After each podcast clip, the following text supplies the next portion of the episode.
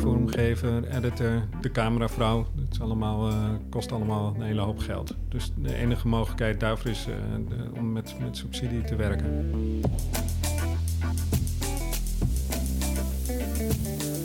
Je luistert naar de Pegel-podcast van Villa Media. We gaan op bezoek bij freelance journalisten met onze mobiele studio. We vragen hoe freelancers ruimte maken voor journalistiek die ze echt belangrijk vinden. En hoe ze ondertussen het hoofd boven water houden. Ik ben Sjoerd. En ik ben Erwin. Deze keer spreken we met Klaas van Dijken. Hij is medeoprichter van productiebureau Lighthouse Reports.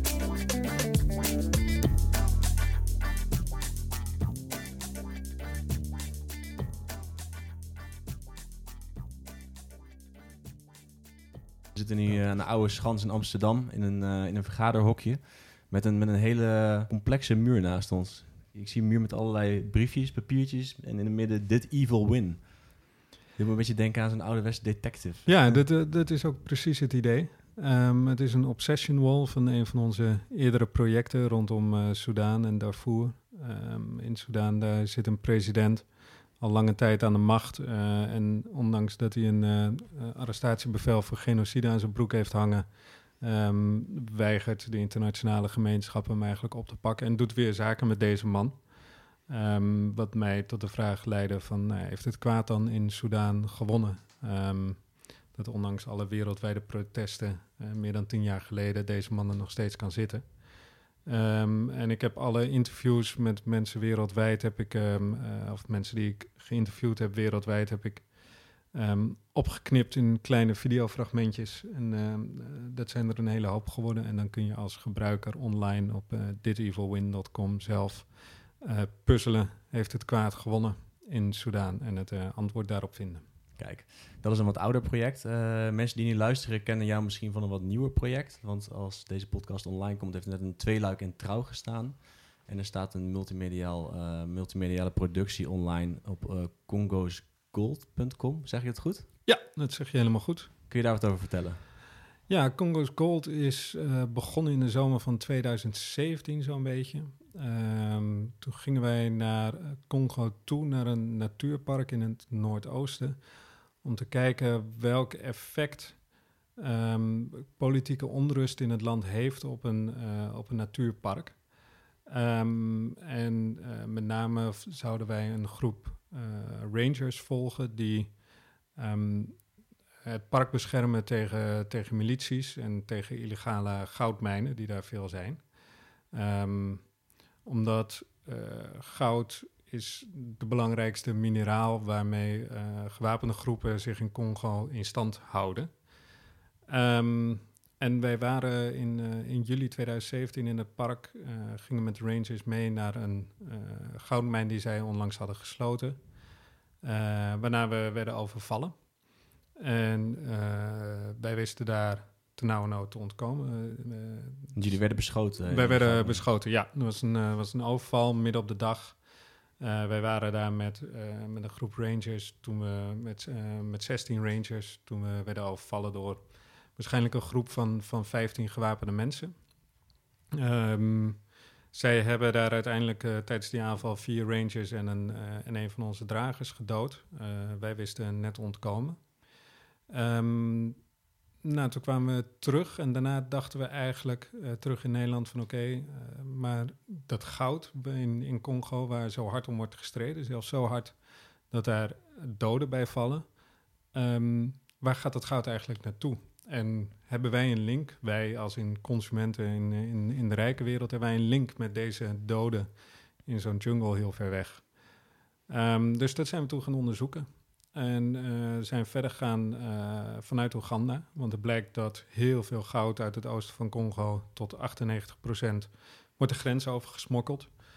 En dat gaat grotendeels eh, dus richting Oeganda. En in Oeganda zijn er dan legale handelaren. Die kopen dat goud op. En die maken het Oegandees door het eh, voorzien van papieren en eh, Ja, door ja, het te melden aan de overheid. Ik begreep dat Oeganda heel weinig goudmijnen heeft, maar de, de goudproductie is wel enorm gestegen. Ja, dat in klopt. dat land. Heel verdacht. Ja, Ja, dat was heel interessant om te lezen. Ja. Ja. Ja, ja, ja. En mensen in Oeganda zeggen ook allemaal, of tenminste de handelaren en de smokkelaars zeggen van ja, Oeganda zelf dit is helemaal niet interessant om daar grote industriële goudmijnen te openen. Er, er is helemaal niet veel goud. Nou ja, toch gaan er de, de vele tonnen goud worden geëxporteerd. Um, en dat halen ze dus allemaal uit Congo. Met vermoedelijk medeweten van de overheid. Ja. Um, en nou ja, vanuit Oeganda gaat het dan de internationale markt op. Of wordt het eerst nog weer uh, versmolten met goud wel uit Oeganda of met legaal goud uit Congo, want er gaat ook wel legaal goud de grens over.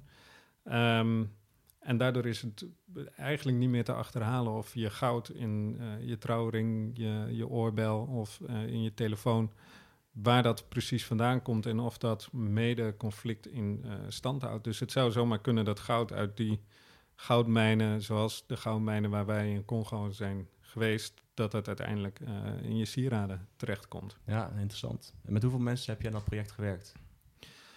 Um, in, um, poeh, nou, dat zijn uh, er best wat geweest. Uh, het onderzoek in Congo, dat waren we met z'n vieren. In Oeganda met drie.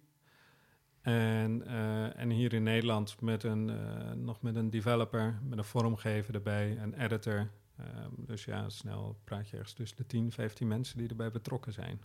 Ja. Je had het net over juli 2017. Je bent al meer dan een jaar bezig met het project. Wat was de looptijd ongeveer, denk je, als je, als je straks klaar bent met Congo's Gold? Nou, dat gaat natuurlijk een beetje af en aan. Um, dus het, vooronderzoek voor, uh, voor 2017, dat was een paar weken. Um, dan in Congo, een, uh, het is ongeveer een week geweest tien dagen dat we daar hebben gezeten. En in Oeganda nog eens een keer een dag of tien. Ja, pak een beet zijn we, denk ik, fulltime twee maanden ermee bezig geweest. Zoiets. Dan komt nu de hamvraag. Hoe krijg je dat voor elkaar als zelfstandig journalist? Um, ja, met subsidie. Um, en um, dit, dit, zijn hele grote, dure projecten. Uh, zeker om naar Congo te reizen is, uh, is, is zeer, zeer kostbaar. Ik geloof dat je daar alleen al aan, visum en permits ben je al snel richting de 1000 euro per persoon kwijt. En dan ben je er nog niet eens. Dus dan moet je er nog naartoe reizen en, en je fixer, producer te plekke betalen. Um, en nou ja, daarna developer, vormgever, editor. Um, dat is uh, ja, de cameravrouw. Het is allemaal, uh, kost allemaal een hele hoop geld. Dus de enige mogelijkheid daarvoor is om met, met subsidie te werken. Ja, ja precies. misschien voor de luisteraar om te begrijpen hoe, hoe, hoe, jij producties maakt, kunnen we even een stap terug doen en het hebben over um, uh, wat breder hebben over jouw manier van werken. Want je zei al, we zitten bij Lighthouse Reports. Wat, wat is Lighthouse Reports eigenlijk? Ja, want je zei waar dat maak je het onderdeel van uit? Ja, je zei dat het een, een productiebedrijf is. En we hebben ook een keer gelezen dat het een freelance collectief is. Wat is Lighthouse Reports? Ja, het is een journalistiek productiebedrijf. Ja. Um, maar um, de kern bestaat, uh, is vrij klein. Mm-hmm. En wij werken met, met een groot netwerk van freelancers. Um, de, hoe wij werken is dat wij een uh, vaak verhaal idee hebben of een onderzoeksidee. Um, en dat willen we gaan uitwerken. En dan uh, daar schrijven we uh, tegelijkertijd subsidieverstrekkers aan. dus we de, dienen projectvoorstellen in. En tegelijkertijd zoeken we daar mediapartners bij in Nederland, Europa of, of nog daarbuiten. Um, en dan dienen wij een projectvoorstel in. En uh, afhankelijk van wat het project inhoudt, vragen wij andere mensen of organisaties uh, om daaraan mee te doen. Dus daarom werken wij ook met, met een grote groep freelancers, zodat we elk project weer kunnen vormgeven um, zoals het bij het verhaal past. Ja, maar als je jou googelt, dan kom je ook tegen freelance journalist Klaas van Dijken. Wanneer ben jij freelance journalist en wanneer ben jij Lighthouse Reports? Um, nou, dat, dat is nog een beetje uit het verleden dat ik uh, de, uh, toen Lighthouse Reports uh, nog Butch and Sundance heette. Um, tijdens Butch and Sundance deden wij nog dingen die niet per se met journalistiek te maken hadden. dus een beetje, of meer richting onderwijs, dus wel veel onafhankelijke producties. Ja, veel journalistieke games ook gemaakt. Precies, precies. Ja, ja. Ehm, dus daarin nou ja, verwerkten we journalistieke verhalen in, in, in een game. Eh, en die was dan vooral voor de educatieve markt. Ehm, en daarvan hebben wij eh, een aantal jaren geleden gezegd van nou, dat doen wij niet meer. Ehm, wij willen eigenlijk alleen nog maar journalistieke dingen doen. En dat, uh, ja, sindsdien doe ik ook al mijn journalistieke dingen onder Lighthouse Reports, omdat alles zo onafhankelijk mogelijk moet zijn. Wat ik heel interessant vond aan, aan, um, aan de manier waarop jullie het aanpakken, is dat, dat jullie op een moment um, hebben gezegd van, nou ja, in, in, in mijn eentje kan ik dit soort onderzoeken niet doen als freelancer.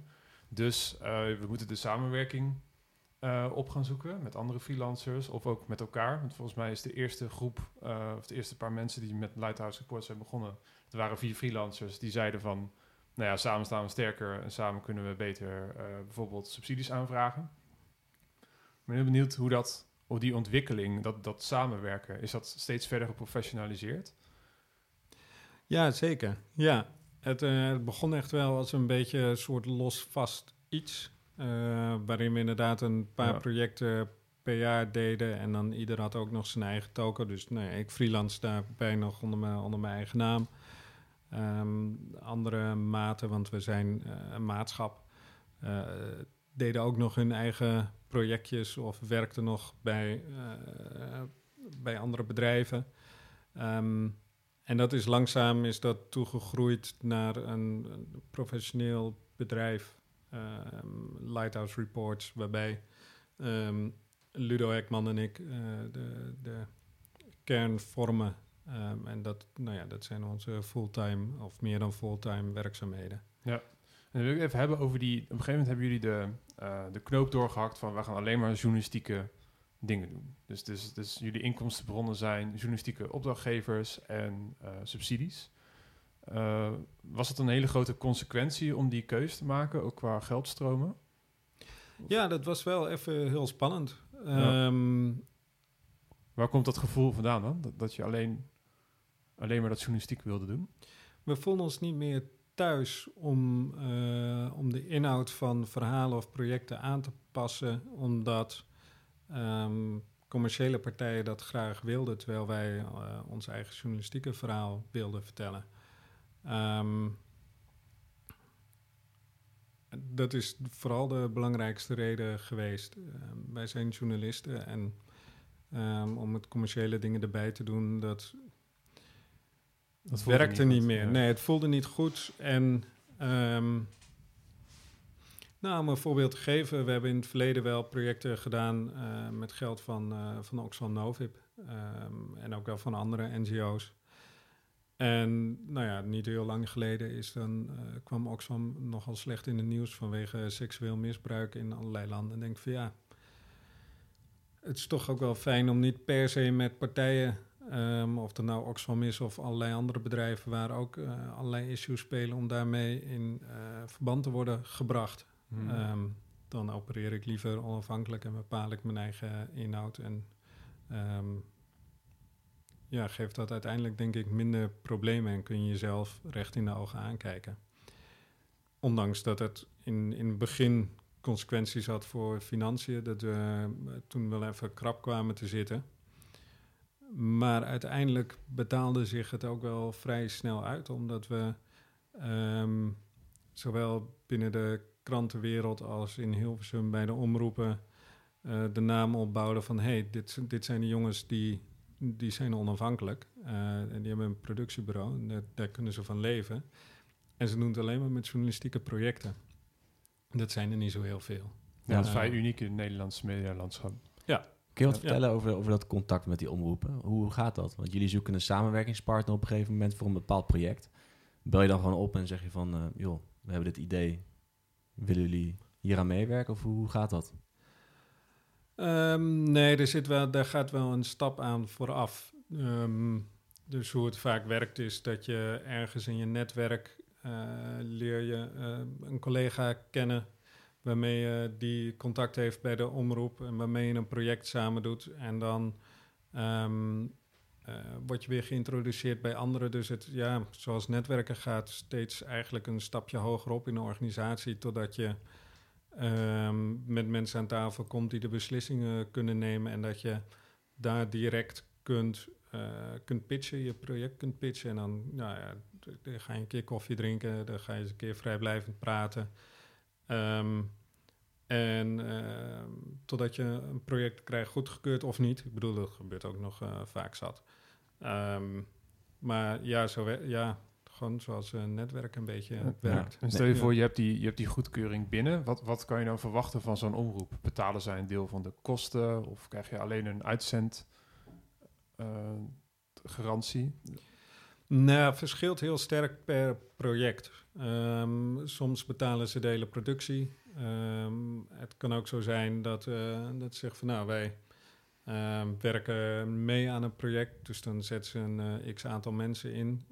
En dan gaat de rest met gesloten beurs. Dus dat, dat hangt heel erg per project weer af. Hm. Ja. Ik denk dat de meeste eh, zelfstandige ondernemende journalisten gewend zijn om hun verhalen te verkopen aan bijvoorbeeld een omroep. Maar bij jullie klinkt het alsof er een wat gelijkwaardiger positie is. Klopt dat? Dat jullie echt samenwerkingspartners van elkaar zijn. Ja, in, dat, ja, in veel gevallen wel. Ja, ja. En dat. ehm, ehm, en ik denk dat dat ook wel terecht is om gewoon als gelijkwaardige gezien te worden. En je hebt elkaar ook nodig in, in eh, sommige gevallen. Wij hebben, eh, denk ik, veel goede ideeën. Ehm, en eh, nou ja, ook ideeën die vernieuwend zijn, waar misschien omroepen of kranten ook wel vraag naar hebben. En zij hebben de, de mogelijkheid om dingen voor het voetlicht te brengen. En dan als die band er is, volgens mij, ik heb het idee dat het eh, dat subsidies aanvragen, dat, dat dat goed werkt als je al in de subsidieaanvraag kan zeggen, eh, trouw wil artikelen publiceren. Of hoe gaat dat? Hoe is die volgorde? Ja, voor, voor als je subsidies aanvraagt voor projecten, die willen heel graag natuurlijk zien dat het project ook een publiek krijgt. Want ja, je, je maakt ook zo'n productie niet voor niks. Hm. Eh, tenminste, niet, niet voor jezelf. Je wil als journalist toch ook een publiek bereiken. Dus moet je het aannemelijk maken dat je het publiek kan bereiken, dat je beoogt met je, met je productie. Ehm, en daar zijn mediapartners eh, goed bij. Ja. Dus wat wij, wat wij doen is, eh, wij bedenken een idee, daar zoeken we eerst mediapartners bij en zeggen van, hé, hey, ehm, willen jullie het helemaal betalen? Vaak is het antwoord dan nee. Hm. Ehm, toch vragen. Of Ja. dan willen ze het wel, maar dan kunnen ze het niet. Hm. Ehm, en, eh, en dan vragen je om een intentieverklaring. Van willen jullie het eh, dan eh, de intentie uitspreken of een brief schrijven van nou ja, als het project er komt, dan doen we graag mee. Soms gaat het dan nog een stap verder dat ze ook zeggen van nou, wij leveren ook zoveel mensen aan, wij stoppen er ook zoveel geld in. Dus dat ze wel iets bijdragen. Dat is ook eh, handig voor subsidieverstrekkers. Nou ja, en dat nemen we mee en dat, dat schrijven we dan in het plan. Ehm, en nou ja, dan hopen dat je, dat je een fonds krijgt om het gefinancierd te krijgen. Hm. Want voor de, voor de uitzending zei je dat, dat, dat er heel veel denkwerk zit in die subsidieaanvragen. Soms wel weken denkwerk. En nou ja, je weet dan nog steeds niet zeker of het zich uitbetaalt of niet. Hoe, hoe eh, hebben jullie de lange adem eh, om dat werk er steeds in te stoppen? Wat, wat motiveert je dan om een week aan een plan te schrijven? Ja, omdat het wel, het gaat wel om ideeën eh, en onderwerpen die we zelf heel graag willen vertellen. Dus waar we zelf vanaf begin af aan geloof in hebben. Ja. Ehm, en dan is het gewoon is het ook volhouden. Hm. Ehm, en dat er weken denkwerk soms in zit, heeft er ook wel mee te maken dat we ook hebben geleerd dat een eerste idee ehm, om, om een onderwerp aan te pakken, om iets uit te voeren, het eerste idee is nooit het beste idee. Dat is echt een van de belangrijkste lessen die we hebben geleerd de afgelopen jaren. Dus een methode die we veel gebruiken is, oké, we bedenken wel tien verschillende manieren, minimaal tien verschillende manieren om een verhaal te vertellen. En dat kan dan van alles zijn. En tien lijkt niet zo heel veel. Maar bij elke, elke keer komen we er tegen van nou, de eerste vijf, zes, die gaan heel makkelijk. En daarna wordt het lastig Mhm. eh, om nieuwe manieren te bedenken. Eh, of een manier. Ik bedoel, het hoeft niet per se een, nieuw, eh, nieuwe manier te zijn. Ehm, maar het resultaat is wel dat je daardoor heel erg eh, buiten de gebaande paden gaat denken. Ehm, en dus een onderwerp ook van allerlei kanten belicht. Ehm, Dan kun je ons een beetje meenemen in dat, in, dat, in dat gedachteproces? Dat is wel interessant. Bijvoorbeeld ehm, met het, nu de verhalen over Congo. Online staat nu een, eh, een, een korte documentaire serie van vijf korte documentaires met, eh, met informatie eh, daarbij voor mensen die meer willen lezen. En daarnaast komen er eh, artikelen in Trouw. Volgens mij is dat, dat wat het project nu is. Wat waren dan andere ideeën bij het project? Dit was Nou. een van de tien dan? Ja, dit was een van de tien ideeën, maar Ja. vaak is het dan een mix van, van Ja. twee of drie van de ideeën. En, dat, Mhm. dat, ehm, eh, en dit, is, dit is eigenlijk een vrij traditionele vorm geworden, namelijk een, een webdocumentaire en een serie verhalen. En dan wel nog een, een, eh, social media campagne eromheen om, eh, eh, om aandacht te trekken, want niemand gaat zomaar naar een website toe. Ik denk dat er heel veel wat oudere journalisten luisteren en denken, wat traditionele vorm, een webdocumentaire. Ja, Wat is in jullie ja, ogen ja. de redelijk traditionele vorm van journalistiek? Dat is nog uit de, je moet multimediaal denken tijd. ja, ja. Ja. Ja, nou ja, precies. En, en waar ik wel een fan van ben, is, is transmediale eh, storytelling. Dus je verhaal op verschillende platformen eh, vertellen, op verschillende manieren. Want op elk platform bereik je weer een ander publiek. Dus Ja. een webdocumentaire en een website zal een jonger publiek vermoedelijk heen gaan of naartoe gaan dan een krantenlezer of een tv-kijker.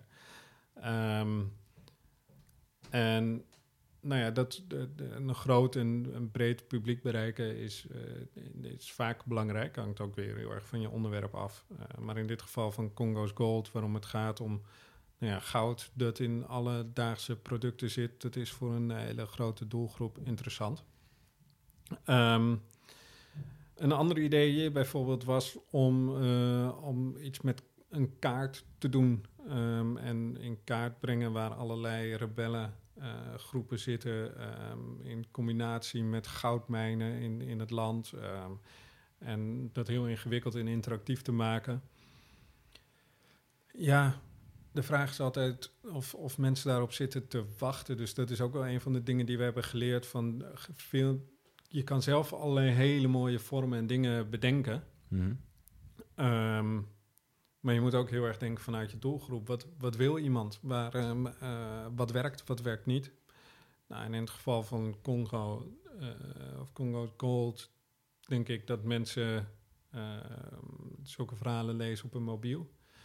Ehm, dus je moet beginnen vanuit mobiel denken. Dus welke verhalen werken goed op je mobiele telefoon? Nou ja, film, korte films eh, werken goed. Op zich wat langere verhalen ook. Mensen nemen op hun mobiel veel de tijd om langere verhalen te lezen. Omdat ze het lezen in de trein of op de bank, eh, minder op hun werk. Eh, verhalen die zijn ontworpen online voor computer.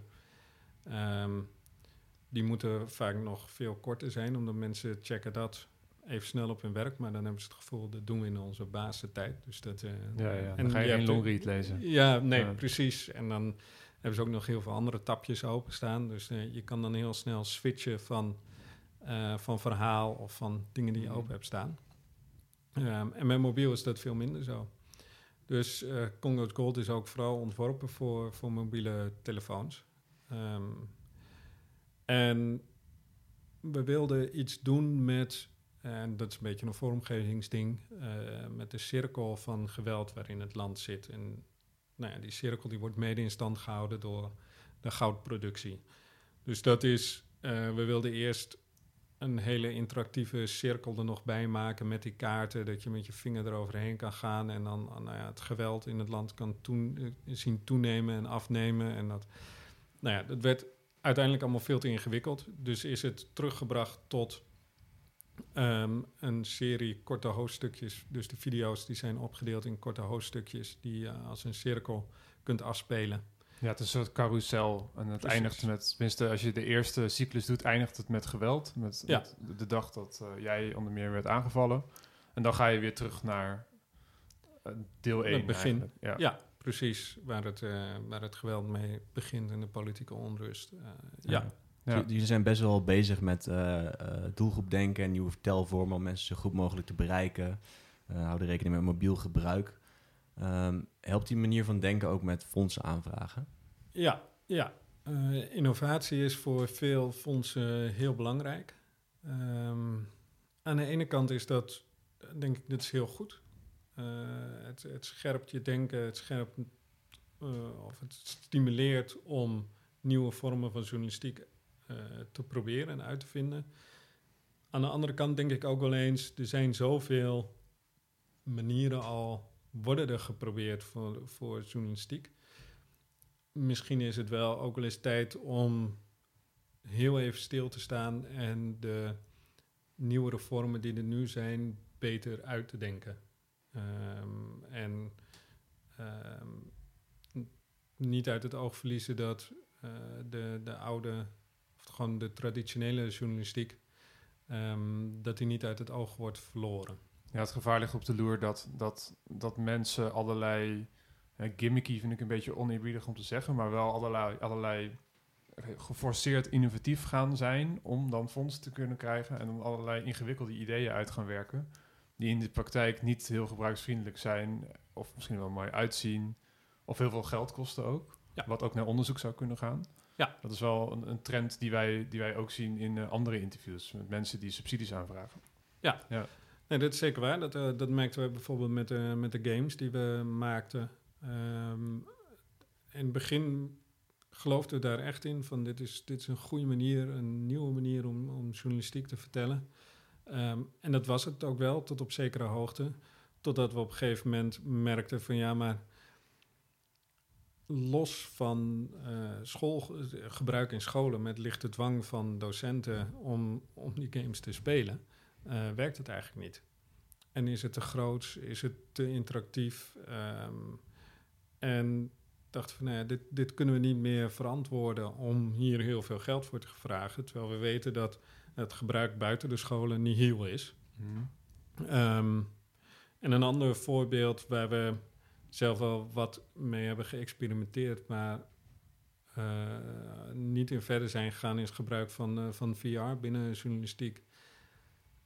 Waarbij een aantal hele goede voorbeelden natuurlijk zijn, maar die worden zelf zijn uitgevoerd door, door enorme mediapartijen als, uh, als New York Times en, en Times Magazine.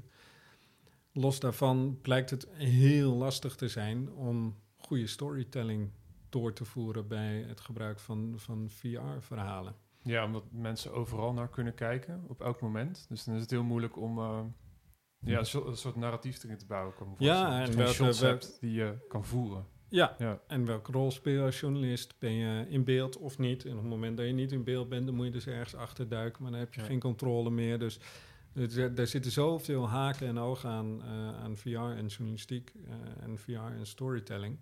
Uh, dat wij hebben gezegd van nou, laat, hmm. dit doen we nog even niet. Um, of misschien nooit niet. Um, omdat het gewoon te experimenteel is voor ja. ons.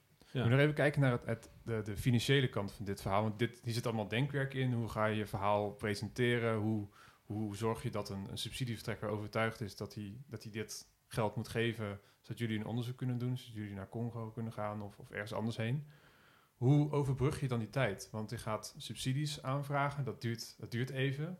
En duurt volgens mij ook nog wel maanden, kan het duren voordat je weet of je dat geld gaat krijgen. Hoe doen jullie, hebben jullie een buffer of meerdere projecten tegelijkertijd? Hoe gaat het dan? Ja, wij werken altijd aan meerdere projecten tegelijkertijd. Ja. Um, en zorgen ervoor dat we uh, subsidie, tussen de projecten door zeg maar, subsidies blijven aanvragen voor, voor nieuwe projecten.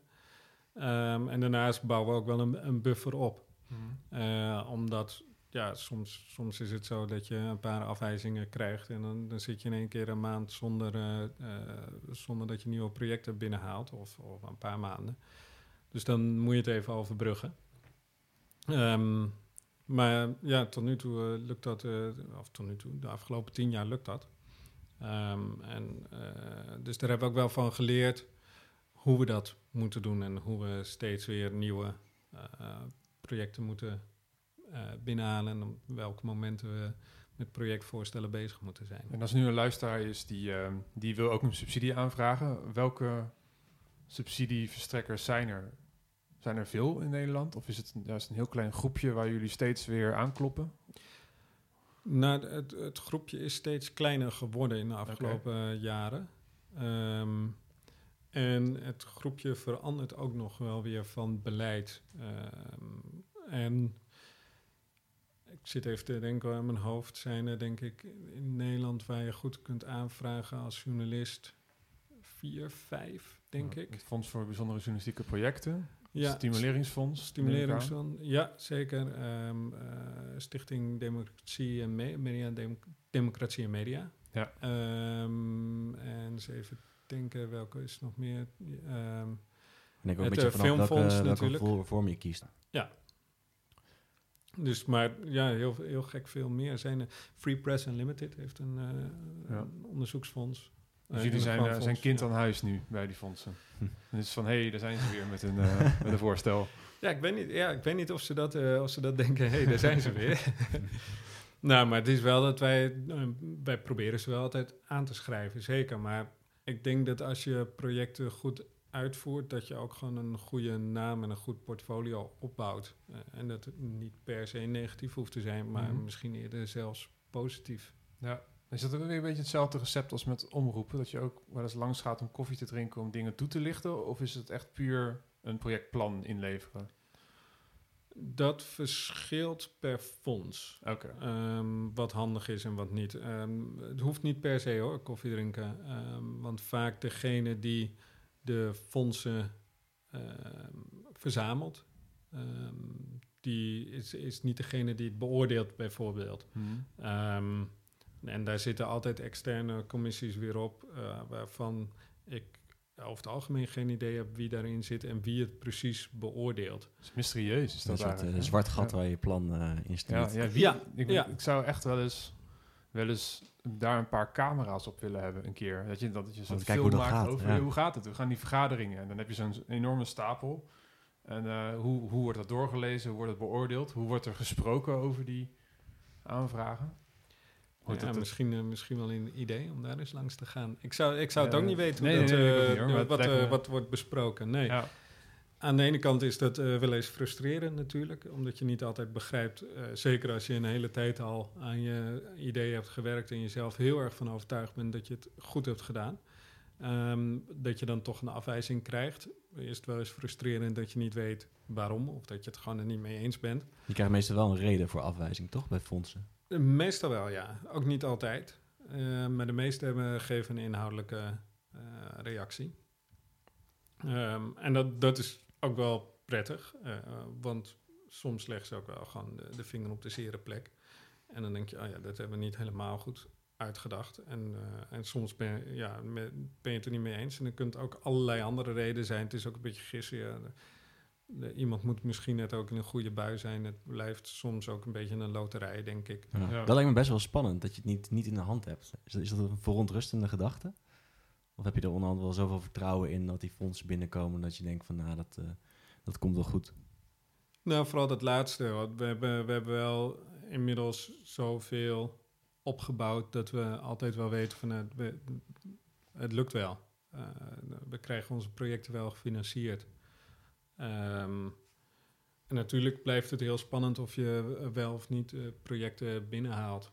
Ehm, maar ja, het, ehm, je hebt natuurlijk tien jaar ervaring met, met dat het uiteindelijk wel gelukt is. Op, op linksom of rechtsom. Ja. Dus dan, dat Ja. schept ook vertrouwen dat het dan weer gaat lukken. precies, precies. En ergens kan ik me ook wel voorstellen dat het een gezonde spanning is. Dat je daardoor scherp blijft op je aanvraag, op je ideeën, op je vormen, op je...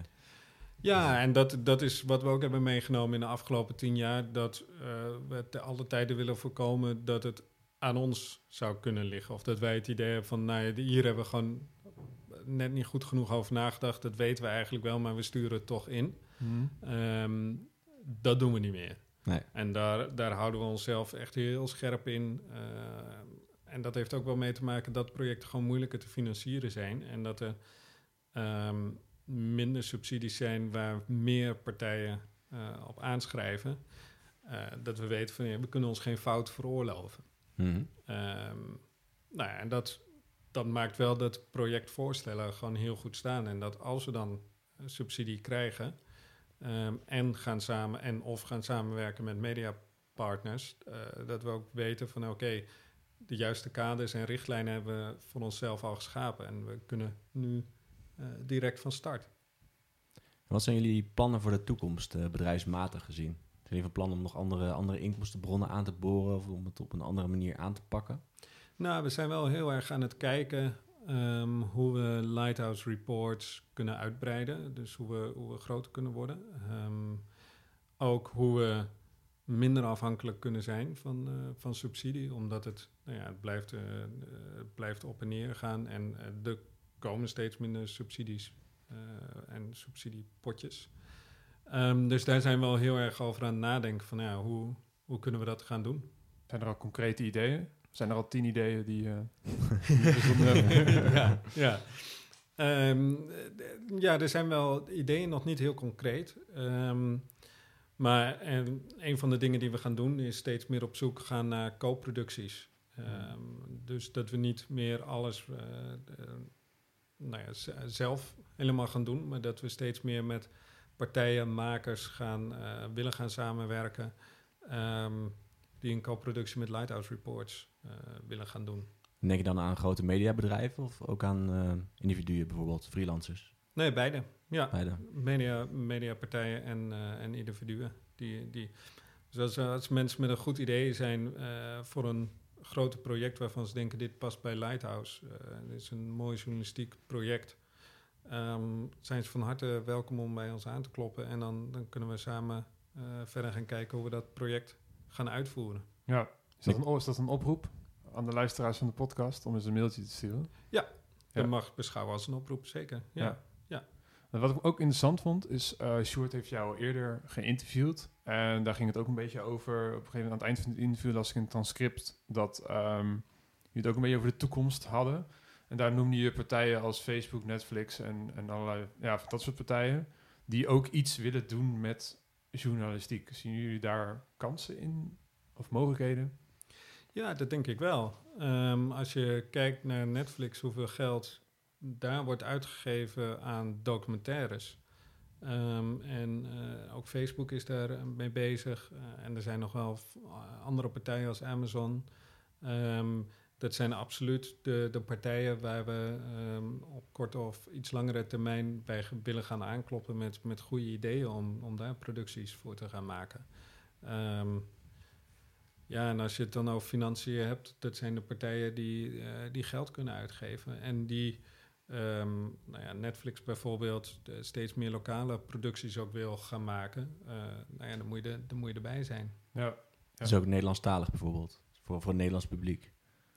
Of ja, of meer een Europees publiek. Dat ze, mm. Maar met de, dat volgens mij niet alle producties per se in Amerika of van de, van de grote productiemaatschappijen hoeft te komen. Maar dat ze okay. inderdaad ook met producenten uit Nederland uh, willen gaan werken. Ja, ja. dan staan jullie uh, voor in de rij. Uh, zover voor, mogelijk vooraan. Ja. ja. Mooi. Ja. Nou, lijkt me een mooie afsluiter uh, voor deze podcast. Ja, en ik denk dat een kleine conclusie vanuit het, het hele gesprek is wel dat, dat, dat zo'n zo'n aanvraag en een projectplan helder kunnen opstellen dat dat de tijdsinvestering echt wel waard is. Want ik kan me voorstellen dat, dat, dat als een freelancer net begint en dat hij onderzoeksjournalist wil worden of zo, en dat hij dan een afwijzing krijgt, dat dat een moment is dat je denkt van nou, dit, dit gaat niet werken of zo. En het is wel mooi dat jullie al tien jaar lang het tegendeel bewijzen. Ja, en natuurlijk krijgen wij ook wel eens uh, afwijzingen, afwijzingen. Maar daar weet je mee om te gaan. En dat is wel belangrijk. Ja, en dan moet je het eerst, ja, ja, ja. En dan moet je het of aanscherpen of je idee is gewoon niet goed genoeg.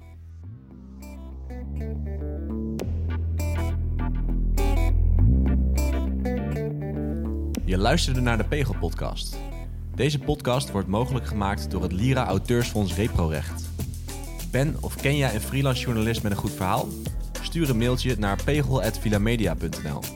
Bedankt voor het luisteren en tot de volgende aflevering.